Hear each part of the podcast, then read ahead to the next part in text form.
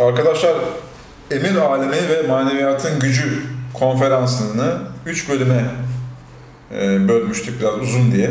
Birinci bölümünü geçtiğimiz hafta okuduk. Bu hafta aynı konferansın ikinci bölümüyle devam ediyoruz.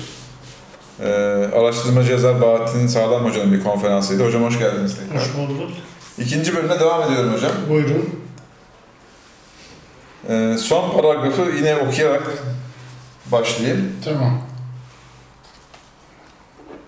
İman başlı başına bir mucizedir. İnansan ki yarın bu iş ne olacak, beklenmedik bir şekilde senin o işlerin oluyor. Ama ümitsiz olursan, galiba olmayacak dersen, o iş olmuyor dersen, imanın yarınki işlerin koordinasyonunda tesirli olabiliyor diye bitirmiştik. Geçen haftanın paragrafı buydu son. Hulasa, kainat sınırlıdır maddi şekliyle, kalıplarıyla.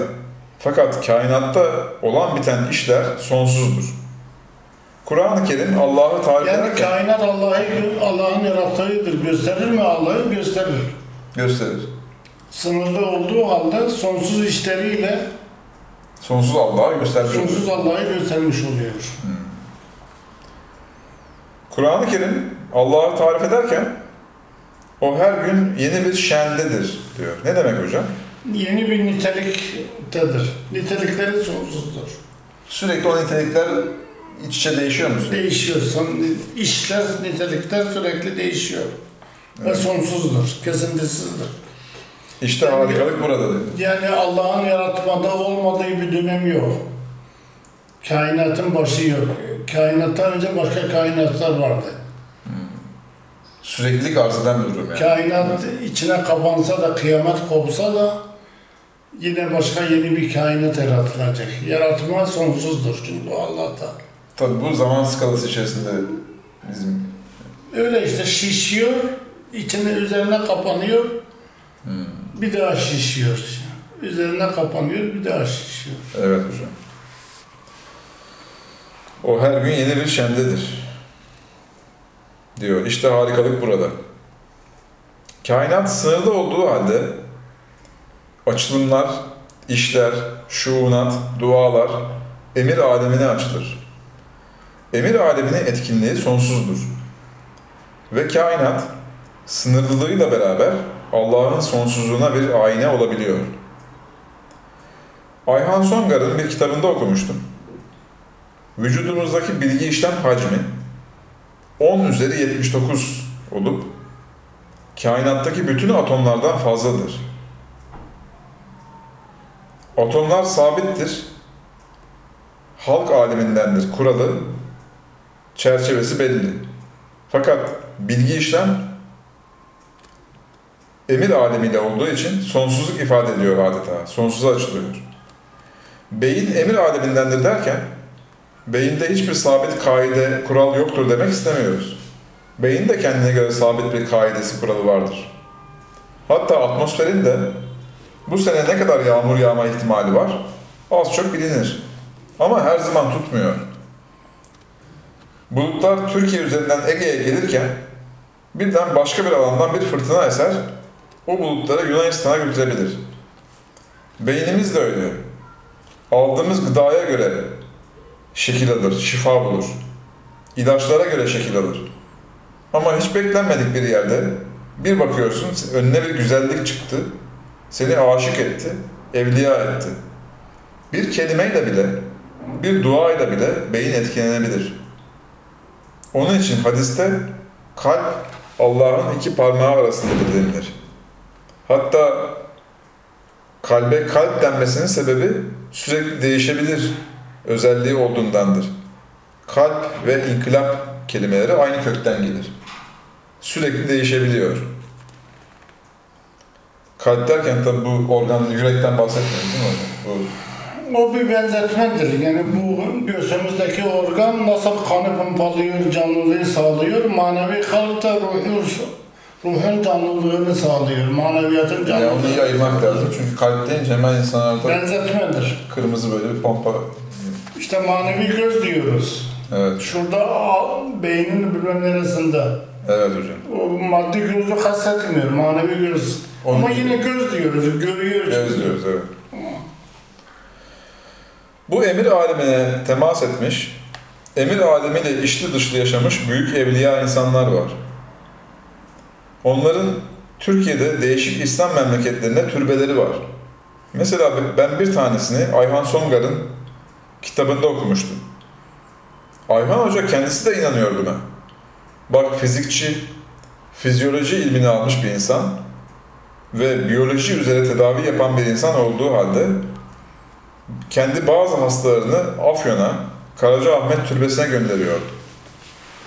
Bu türbenin bir benzeri bizim köyde var. Benim 18. kuşaktan dedem. Bir türbesi var, oda gibi, karanlık bir yer. Bir zincir var orada. Eskiden insanlar öğrenmişler. Şizofren insanlar gelir, elbiselerini çıkartıp atıyorlar. Bir gece çırılçıplak o zincire bağlanırlar. Sabahleyin elbisem nerede ben örtünmek istiyorum diye şifa bulup çıkıyorlar. Ben 10 seferden fazla bu meseleyi kendi gözümle gördüm. Halen devam ediyor bu. Öyle mi hocam? Evet. Nasıl bir şey hocam bu? Yani o şimdi normalde oraya geldiğinde çıplaklığının farkına varmıyor mu? Şizofren hastalar geliyor böyle. Çıplak Evet. çıplak. Kendi elbisesini yırtan, Hmm. konuşmasını bilmeyen. işte zincire bağlanır, bir gece orada yatıyor. Hmm. iyileşiyorlar. Her Allah. hasta değil ama belli bir tip hasta orada iyileşiyor. Allah Allah çok ilginç şey. Diyebiliriz ki Aynı şey onun babasında da var. Mardin'de şey Muz Türbesi meşhurdur. Türkiye'de meşhurdur. Şık e, Şey- Karacaahmet Türbesi'nin babası mı? Yok. Bizim köydekinin babası. Ha pardon. Evet evet. Bizim aslımız Mardin'den gelmiş. Evet hocam. Onun babası da orada? Babası şey Muz var.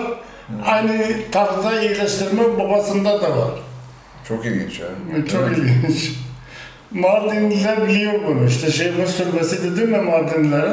Hmm. Onlar biliyor. Bizim köy dağlık olduğu için fazla bilinmiyor. Ama Doğu Anadolu'da, güneyde bayağı bir biliniyor yine de. Çok ilginç var. Ya gerçekten çok incelemek lazım.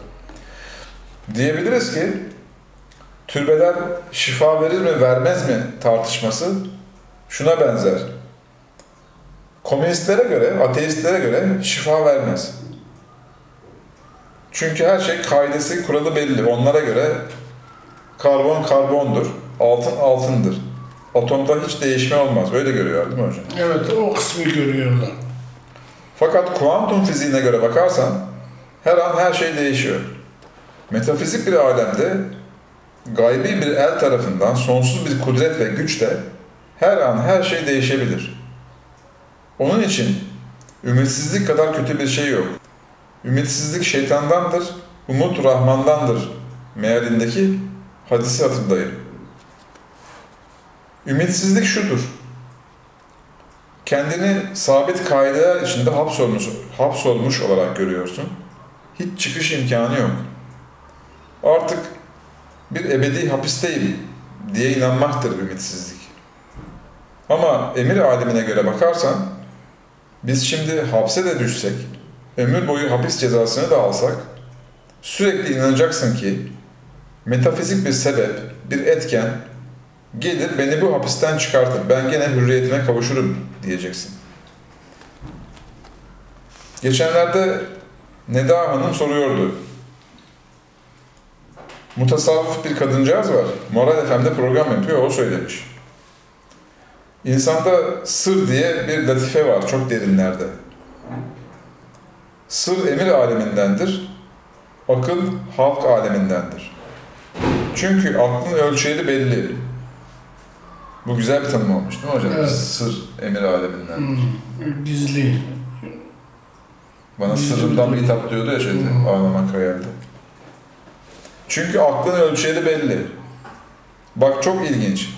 Belki o kadıncağız farkında değil ne dediğini. Ama tasavvuf kültüründe böyle bir bilginin olması ilginç. Aklın kalıpları ve şekli belli, gideceği alan belli, yapacağı işler belli, imkanları belli. Fakat sır ve kalbin içi sonsuz aleme açılıyor. Emir alemine açılıyor. Allah'ın mucizevi işlerine açılan bağlantısı var. Orada her an her şey olabiliyor ve daima güzel şeyler oluyor. Demek emir aleminden bir şey geldiği zaman sonsuzluktan geldiği için hep güzeldir. Çirkinlik mahlukatın dar çerçevesi içinde vardır. Sonsuzlukta çirkinlik yoktur. Sonsuzlukta öyle bir güzellik var ki bu mahlukatın daracık şekillerini, çirkinliklerini giderebiliyor. Tedavi edebiliyor, güzelliğe çevirebiliyor. Ben ilaç alan bir insanım. Kemal kardeşim, bu adam bu kadar bilgilidir, bu kadar inançlıdır. Risale-i Nur okumuş, Kur'an okumuş, tefsir yazmış. Niye ilaç alıyor diye soruyor. Samimi söyleyeyim, ben şimdiye kadar ilim uğruna daima kendimi sabit kurallar ve ispat edilmiş bir çerçeve içinde hapsettim. Hiçbir zaman keramete, mucizeye, metafizik eğilimlere açılmayı düşünmedim. Artık geçen hafta bu programı hazırlarken dank etti kafama. Bırakıyorum dedim her şeyi. Sebebi de, parayı da, dükkanı da, çoluğu da, çocuğu da her şeyi bırakıyorum. Kendimi emir aliminin sonsuz dünyasına bırakıyorum. Ya Rabbi sen sonsuzsun. İnanıyorum ki, gerçekten inanıyorum şimdi. Her an her şey olabilir. Yani bugün fakirsin, yarın zengin olabilirsin.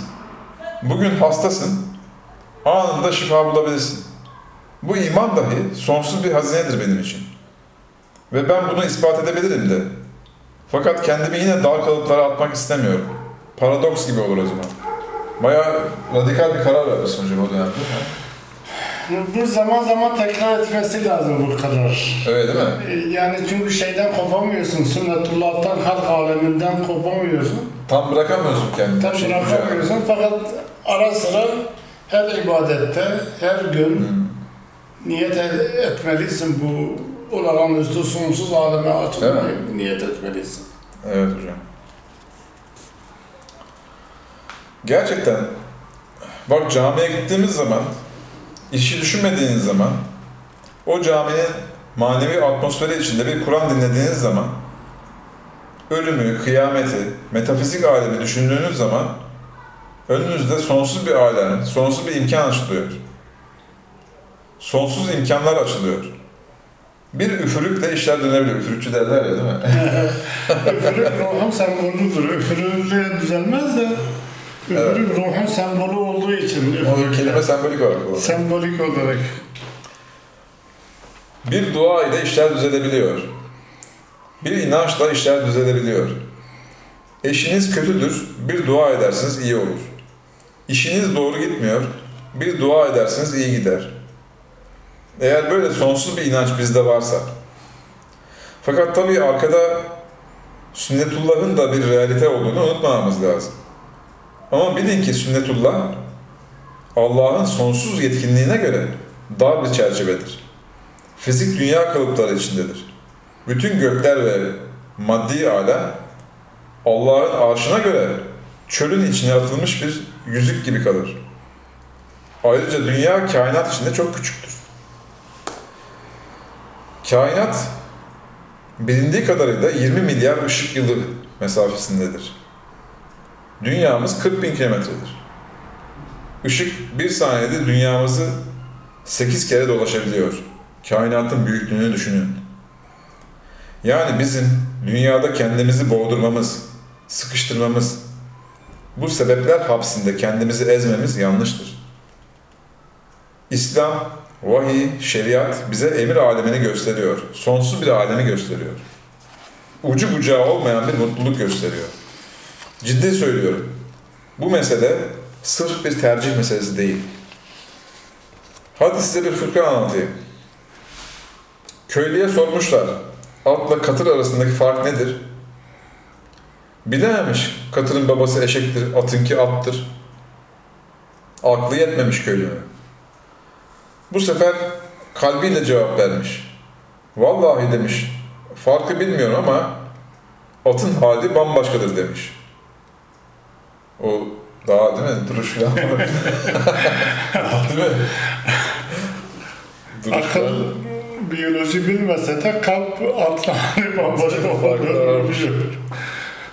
Demek kalp seziyor.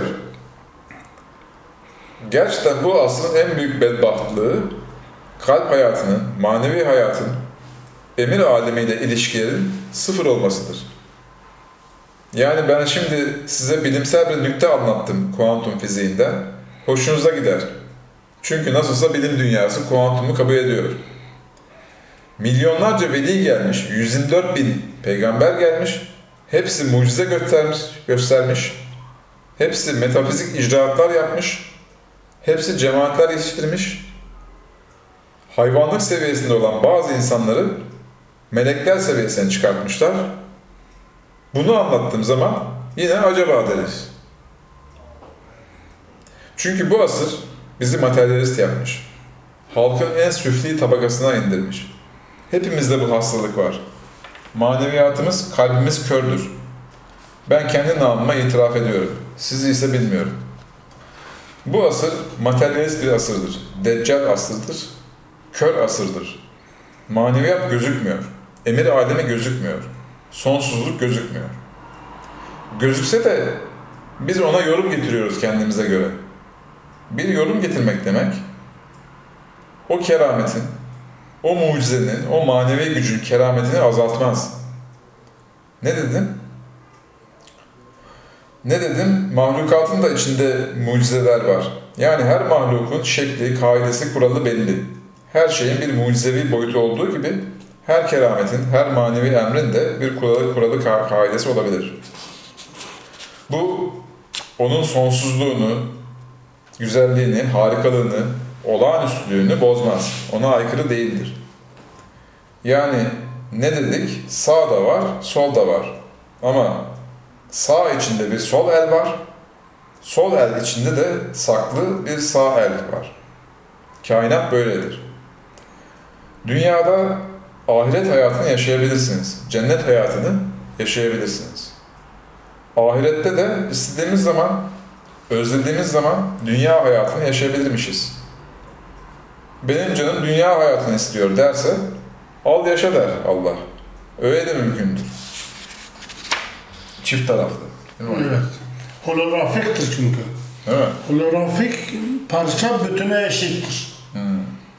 Dünya olsun, ahiret olsun, fizik olsun, metafizik olsun, sağ olsun, sol olsun, sol olsun. Her parça bütüne eşittir. Evet, Her parça bütünü içinde barındırıyor. Holografik yapı.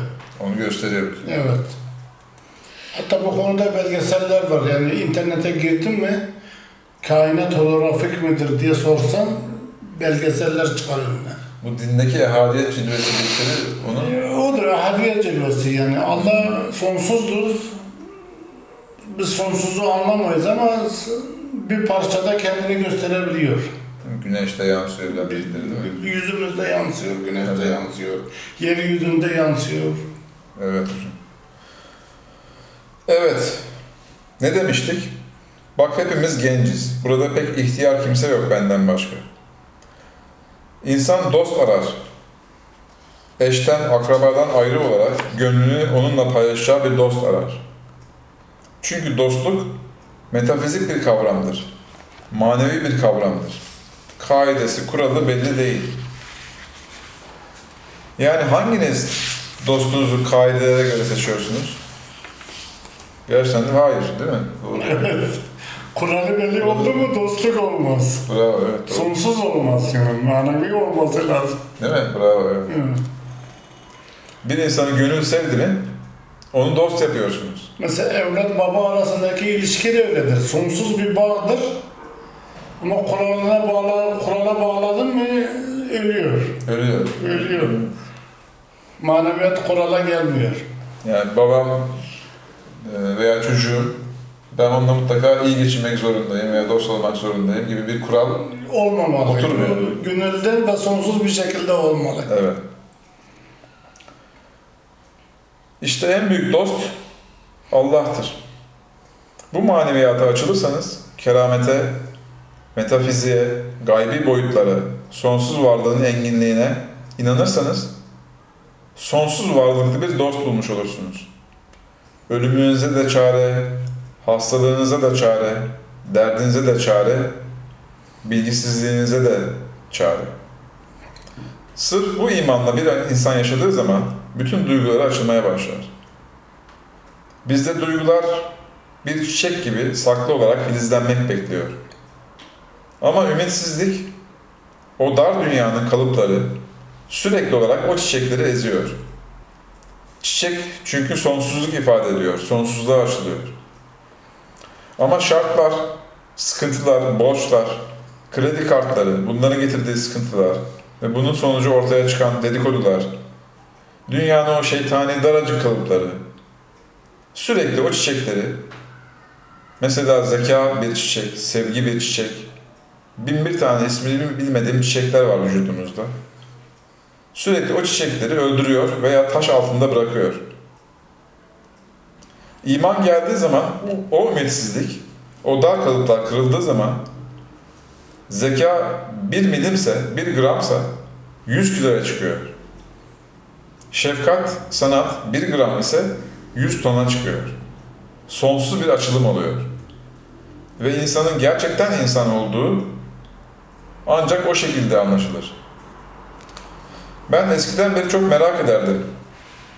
Din bu kadar sahipsiz, bu kadar hurafeler bulaşmış, bu kadar yanlış insanlar dini suistimal ediyor. Her gelen içine biraz pislik atıyor, bir bozukluk atıyor. Buna rağmen din nasıl ayakta duruyor? İşte din bu şekilde ayakta durmuş. Metafiziğe açılan bir boyutu var. Kutsallık boyutu var. Emir alemiyle temas eden bir boyutu var. Hiçbir şey onu öldüremez. Bütün insanlar birleşse yeryüzündeki bir sinek türünü mahvedemezler. Amerikan ordusu, Rus ordusu hepsi bir araya gelse yeryüzündeki sinekleri imha edemezler. Bu bir kaidedir. Herkes bunu biliyor. O ordular insanlara hava yapıyor değil mi hocam? evet. Ordular insan içindir. Evet. Sinekler için değil. Çünkü hayat emir aleminden geliyor. Metafizik bir boyutu var. Dünyanın bütün ilaçlarını kullansan dahi kalbindeki sevgiyi veya düşmanlık duygusunu imha edeyim desen edemezsin. Yani bütün doktorlara gitsen, bütün eczaneleri tüketsen kalbindeki o ilahi yazılımı silemezsin. Kutsilik, metafizik alemle temas ihtiyacı bir yazılımdır. Allah insanı yaratırken onun beyninde, kalbinde insan mutlaka kutsala inanmalı, metafizik bir aleme açılım yapmalı, emir alemiyle temasa geçmeli, kendini düzenlemeli diye o insanın beyninde bir yazılım yazmış. Çevre ve dinsizler o yazılımı hiçbir zaman silemediği için din ayakta duruyor. Ve din hiçbir zaman ölmüyor. Hatta gittikçe genişliyor. Bunu dinsizler bildiği için fikren dini öldüremediklerinden bu sefer ahlaksızlıkla, çıplaklıkla, rüşvetle, siyasetle, başka oyunlarla dini öldürmeye çalışıyorlar. Çünkü o duyguyu fikren öldüremediler. Beşerin kalbindeki o yazılımı silemediler. Sen arıları durdurabildiği kadar durdur. Arı yine gidip bal yapacak. Yine bir kilometrelik mesafeye gidecek. Çiçeklerden bal toplayacak. Su içecek, gelecek. Çünkü beyninde o bir yazılımdır. O yazılımı kimse silemez. İnsanın kalbindeki inanç da, din de, emir alemiyle temas da, kutsal bir değere inanma ihtiyacı da aynı o şekilde bir yazılımdır. O yazılımı silemedikleri müddetçe kıyamet kopmaz ve din ölmez. Bir şartla yapabilirler. O duygunun alternatifi olan cinselliği devreye sokuyorlar. Cinsellikten kasıt fuhuş ve açık saçıklık. Çünkü o da bir yazılımdır. Allah insanı yaratırken türün bekası için yani neslin devamı için değil mi hocam? Cinsellik yazılımını yaratmıştır. Adam onu tahrik ediyor, acite ediyor, şırınga yapıyor, reklam yapıyor, bir sürü propaganda yapıyor. O cinsellik yazılımı inanç yazılımını devre dışı bırakabiliyor bazen. Yoksa başka bir silahla kalp ve imana karşı koyamazlar. Yani topla, tüfekle, atom bombasıyla insanın kalbindeki inanç ihtiyacını, metafizik aleme açılımını silemediler. Mecburen insanın bedeninde yazılmış başka bir programı ajite ederek, yıpratarak insanı öldürmeye çalışıyorlar. Onun için ne Deccal, ne Ebu Cehil, ne Ebu Leheb hiç kimse dini öldüremedi. Fakat Yecüc Mecüc tehlikesi var. Bediüzzaman bundan çok bahsediyor. Ahir zamanda Yecüc Mecüc tehlikesiyle din elden gider diye endişe ediyorum diyor. Demek en büyük tehlike Yecüc Mecüc'tür. En büyük mesele şimdi Yecüc Mecüc'tür. Bu bela şudur. Tanımı burada değil mi hocam? Evet. Tamamıyla hayvani yaşayan, insani değerlerini unutmuş, günübirlik bir hayat süren, namussuz, düğünsüz, evliliksiz, yani dinsiz, ailesiz bir toplum. Yani rivayetlerin tevil ve manasını anlamadan anlattıkları gibi Yecüc Mecüc böyle hurafevari bir şey değil. Yecüc Mecüc yine insandan çıkacak. Yecüc Mecüc'ün aslı gene insan kabileleridir, insan topluluklarıdır. Fakat bu tehlike tamamen kutsal değerleri yani insanın emir alemi ile olan bağını kopardıkları için insanlığın kıyameti o şekilde kopmuş olur. Kur'an'da iki temel kavram tekrarla işleniyor. Biri takva, diğeri iman. Takva halk alemine göredir. Çünkü dünyada kaide kural belli. Mesela bir insanın alabileceği zenginlik belli, yiyebileceği yemek belli, yatması belli, kalkması belli, yaşam süresi belli, günahlar belli, sevaplar belli. Yani kesin olmasa da belli değil mi aşağı yukarı? Aşağı yukarı bellidir. Bu dünyada biz takvadan sorumluyuz. Onun için Kur'an takva üzerinde çok duruyor. Takva dünya içindir. Ahirette takva diye bir kavram yok. Aman ben günah işlemeyeyim ama sınırı aşmayayım demek yok orada. İstesen de aşamıyorsun orada. Demek ahirette takva kavramı yok. Takva korunmak, sınırı aşmamak demektir. O bu dünya içindir. Sınırı belli dünyada takva lazım. Takvası olmayanın imanı da olmaz. Çünkü birinci sınıfa atlamayan ikinci sınıfa geçememiş olur. Önce sebeplere başvuruyoruz. Dünyanın çizgilerini tanıyoruz. O çizgilere göre adım atıyoruz. Sonra imana geçiyoruz. İman emir alemiyle ilgilidir. Sonsuzlukla ilgilidir. İman sonsuzdur. Bir iman ki sonlu ise işte o iman geçerli bir iman değildir. Emir alemiyle ilişkisi yoktur. Size bir örnek vereyim. Hristiyanlar niye sapıttı? İsa Allah'tır dedikleri için. Halbuki İsa sınırlıdır. Evet büyük bir peygamber. Her şey mucize, her şey emir alemi. O kadar şekilsiz, biçimsiz yaşamış ki sonsuzluk ifade ediyor. Ama onlar bedene ruh dedikleri için, İsa Allah'tır dedikleri için cehennemlik oluyorlar. Bir iman ki sonsuz değilse o insanı kurtarmıyor. Bu çok önemli. Bunun için Allah hakkındaki diğer sohbetleri ve diğer makalelerimizi hatırlayalım. Eğer biz Allah'a inanıyorsak, onun sonsuz gücüne, sonsuz emir alemine, sonsuz imkanlarına, sonsuz ahiretine inanmamız lazım. Ve ona itham etmememiz lazım. Acaba bana yardım eder mi? diye.